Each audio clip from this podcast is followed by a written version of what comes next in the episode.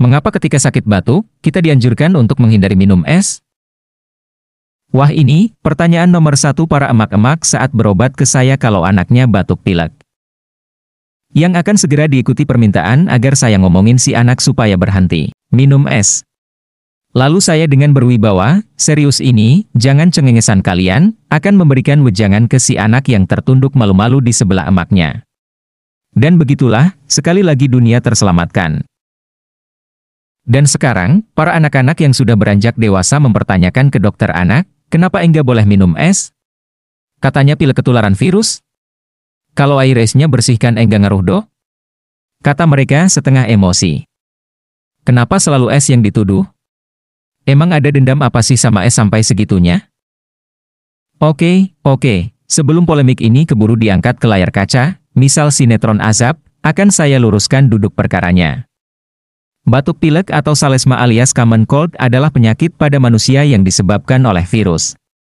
Ada ratusan jenis virus penyebab, para ahli bilang ada sekitar 200 jenis malah. Di sini, es secara enggak langsung memang enggak ada hubungannya dengan si salesma. Nah kalau begitu es boleh diminum sekarang? Ada penelitian yang sudah berumur 42 tahun menyebutkan bahwa pada penderita batuk pilek, memberikan cairan hangat lebih superior daripada memberikan minuman dingin.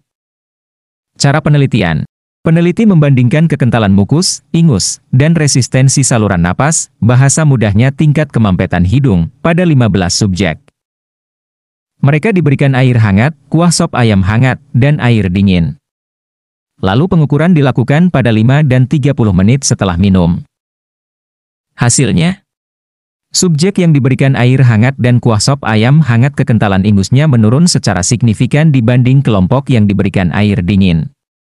Bahkan, pada 30 menit pasca pemaparan, ingus pada kelompok yang diberi air dingin menjadi bertambah kental dibandingkan sebelumnya. Yang mana pada kelompok lain kekentalannya kembali seperti sedia kala setelah 30 menit. Sehingga peneliti menyimpulkan, dalam menangani kasus infeksi saluran napas atas, memberikan cairan hangat lebih baik daripada air es. Benar kan? Nurut dah apa kata emak?